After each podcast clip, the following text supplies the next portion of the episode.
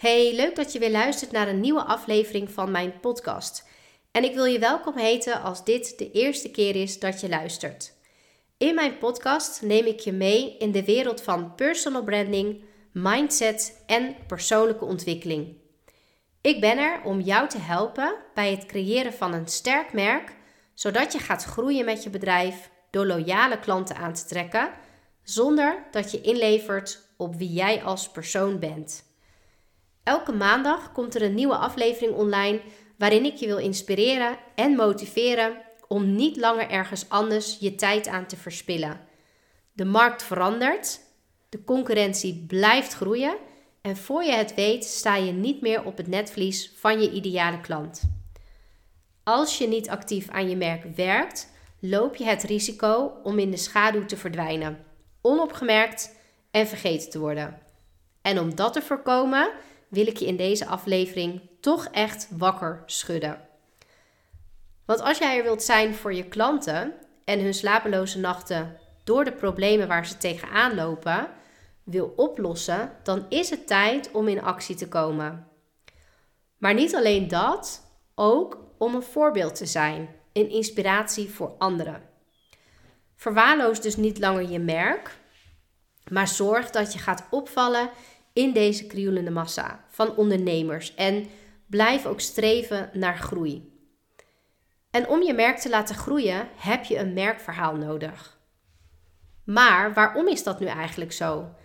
En moet je dan alles maar op social media gooien om gezien en gehoord te worden? Nou, niets is minder waar. Storytelling is meer dan dat. En wanneer je dit goed doet, zet je hiermee jouw merk op de kaart. Wij als mensen hè, we houden echt van lezen en het horen van verhalen. Niets is fijner om helemaal op te gaan in het verhaal van een ander of om in de wereld van een goed boek weg te kruipen. En wat dacht je van een goede film, hè, waarin je helemaal meegezogen wordt in het verhaal? Je ziet het vaak al helemaal voor je. Dat is de kracht van storytelling. Verhalen vertellen aan anderen. En met storytelling creëer je ook betrokkenheid bij je doelgroep. Maar hoe doe je dat dan? Nou, door een verhaal te lezen activeer je zeven delen in je brein. En ik ga ze hier even opnoemen.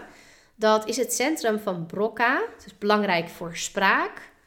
De frontale cortex, dat remt onder andere de diepe emoties in de amygdala. Nou, die ga ik later nog even uh, aangeven.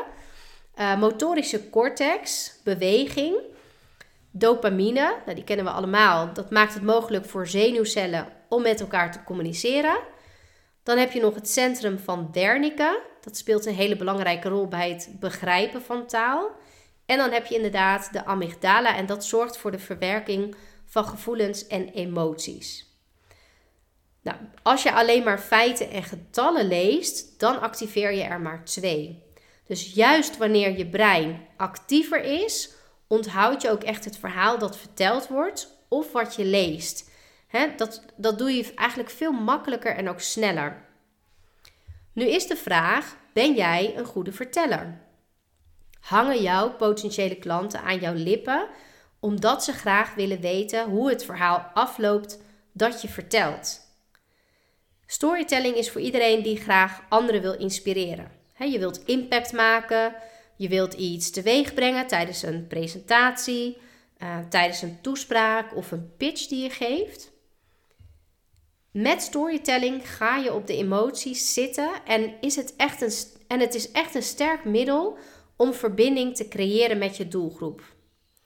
Nou, als je al een aantal afleveringen van mijn podcast hebt geluisterd, dan heb je ook gehoord dat ik het vaak heb over hoe belangrijk het is dat de ander zich gaat herkennen in dat wat jij vertelt of schrijft. dat is wat er gebeurt en je raakt mensen ook veel sneller door een verhaal te vertellen. Als je een goede verteller bent, blijft je verhaal en dus ook je boodschap veel langer hangen. En dat is wat je wilt. Storytelling kom je ook overal tegen en dat is ook niet zo gek, want het is echt al duizenden jaren de manier waarop we informatie met elkaar uitwisselen maar ook van elkaar leren. Denk maar eens terug aan je kindertijd, uh, maar ook nu je misschien als ouder zelf de mooiste en spannendste verhalen voorleest aan je kinderen uh, voor het slapen gaan. Nou, elke avond is dit echt een moment waarop ik ook uh, de tijd daarvoor uittrek. En waarbij ik samen met onze kindjes boekjes lees die ze eerder bij de bibliotheek zelf hebben uitgekozen. En het is super leuk om dan al te zien, hoe jong ze ook zijn, wat het al doet met een kindje en hoe zij al geraakt kunnen worden of getriggerd kunnen worden door dingen die je voorleest en vertelt. Maar ook hoe ze dingen onthouden en dat je een paar dagen later dat ze het daar nog over kunnen hebben. En bijvoorbeeld mijn oudste dochter, die, uh, die is vijf. En die kan dan ook echt een boekje erbij pakken. En zelf dat verhaal wat ik of hè, mijn vriend heeft voorgelezen, ehm, kan zij dan op haar manier nog een keertje vertellen. En dan is ze voor haar gevoel ook echt dat boekje zelf aan het lezen. Maar waarom werkt storytelling zo goed en is het hebben van een duidelijk merkverhaal eigenlijk zo belangrijk? Nou ja, om de aandacht van je klant te trekken, maar ook te houden, moet je iets doen. Verhalen vertellen. En zeg nou zelf, niets is zo saai als een ondernemer alleen maar vertelt over hoe ze is gestart met haar onderneming en wat haar normen en waarden zijn. Daarmee ga je de aandacht niet vasthouden van je potentiële klant. Met storytelling ga je er juist voor zorgen dat jouw verhaal niet saai is, maar klinkt als een spannend verhaal met monsters en superheroes. En wat zijn nu eigenlijk de eigenschappen van een goed verhaal? Storytelling begint vaak met een saaie, ordinaire uh, wereld. dit is waar de hoofdpersoon zich bevindt voordat hij of zij als held gezien wordt. Dan betreedt de hoofdpersoon de speciale wereld, een onbekende omgeving, waar zowel de schat als het monster zich bevinden. En in deze wereld zal de held een reis maken, obstakels gaan overwinnen en een schat proberen te vinden. Een goede held is herkenbaar voor het publiek, met kwaliteiten en valkuilen die voor iedereen bekend zijn. Helden kunnen jaloers zijn, eh, denkfouten maken of heel ongeduldig zijn. Eigenlijk heel erg herkenbaar voor ons. En de reis van de held die kent verschillende fasen. Dat is de oproep tot avontuur, dus een obstakel of een probleem dat de held dwingt uit zijn comfortzone te stappen. De fase van de helper, dus in het verhaal kan dit vertegenwoordigd worden door een bedrijf of een product dat de held bijstaat bij het overwinnen van obstakels. Uh, de fase, de crisis. De held wordt geconfronteerd met uitdagingen en obstakels tijdens zijn reis. De fase, de schat. Dus het uiteindelijke doel van de held waar hij naar streeft. Hè, dit kan bijvoorbeeld een betere wereld zijn of een perfecte uitkomst. En dan heb je nog de fase het monster. Dus een obstakel of een probleem dat de held moet overwinnen. Nou, bij het verkopen van een product kan dit dienen om urgentie te creëren en storytelling als een effectieve verkooptechniek in te zetten. En door deze elementen te gebruiken, kun je met storytelling niet alleen een verhaal vertellen, maar ook op een overtuigende manier je aanbod of product presenteren. Hierdoor voelen mensen zich vaak heel erg eerder aangesproken uh, en dus ook betrokken. Een merk leeft. Het ademt, het creëert uh, verbinding, uh, maar zorgt ook voor interactie. En een goed merk heeft echt een persoonlijkheid, een merkidentiteit en waarde. Dus kortom, je kan een merk eigenlijk net zien als een mens. En daarom identificeren mensen zich ermee. En om je op weg te helpen, deel ik graag 10 tips waardoor jij op een effectieve manier storytelling kan gaan inzetten. Als eerste wees jezelf. dus vertel je verhaal op een eerlijke en oprechte manier. Mensen waarderen authenticiteit, dus wees gewoon jezelf. En daarom is het zo goed om te weten wie jij bent, zodat je het ook op die manier kan vertellen. Als tweede, ken je luisteraars. Dus begrijp goed voor wie je het verhaal vertelt. Pas je toon, stijl, maar ook de inhoud aan om je publiek aan te spreken.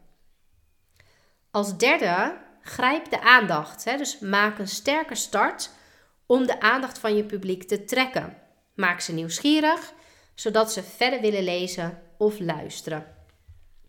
Als vierde, houd het simpel. Voorkom overbodige details en ingewikkelde taal. Houd je verhaal heel eenvoudig en gemakkelijk te begrijpen. Dan blijft het ook veel eerder hangen. Als vijfde, spanning opbouwen. breng uitdagingen, conflicten of vragen in om de spanning te vergroten.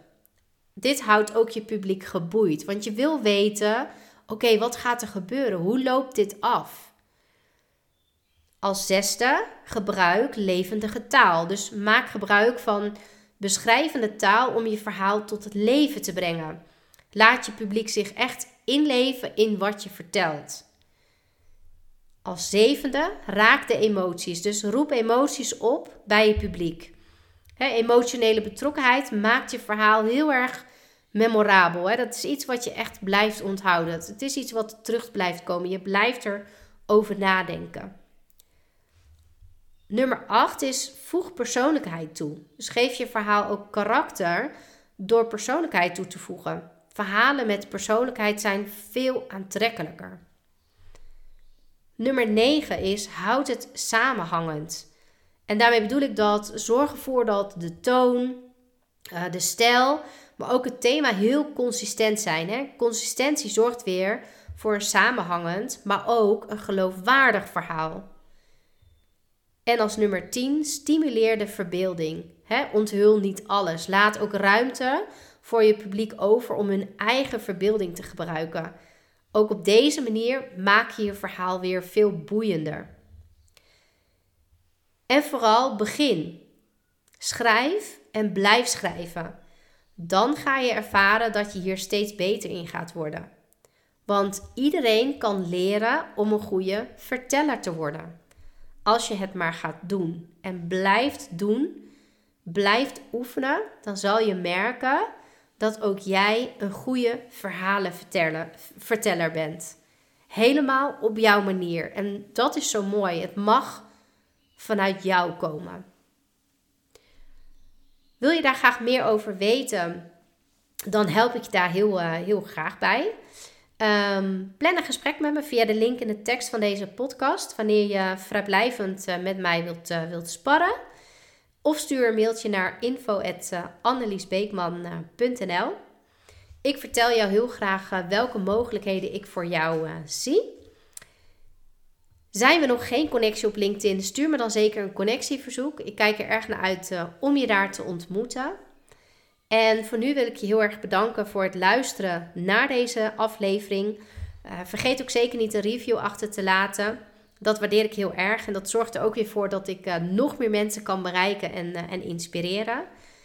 iets wat ik het allerliefste doe. En um, dank je wel nogmaals. Veel liefs en tot de volgende keer.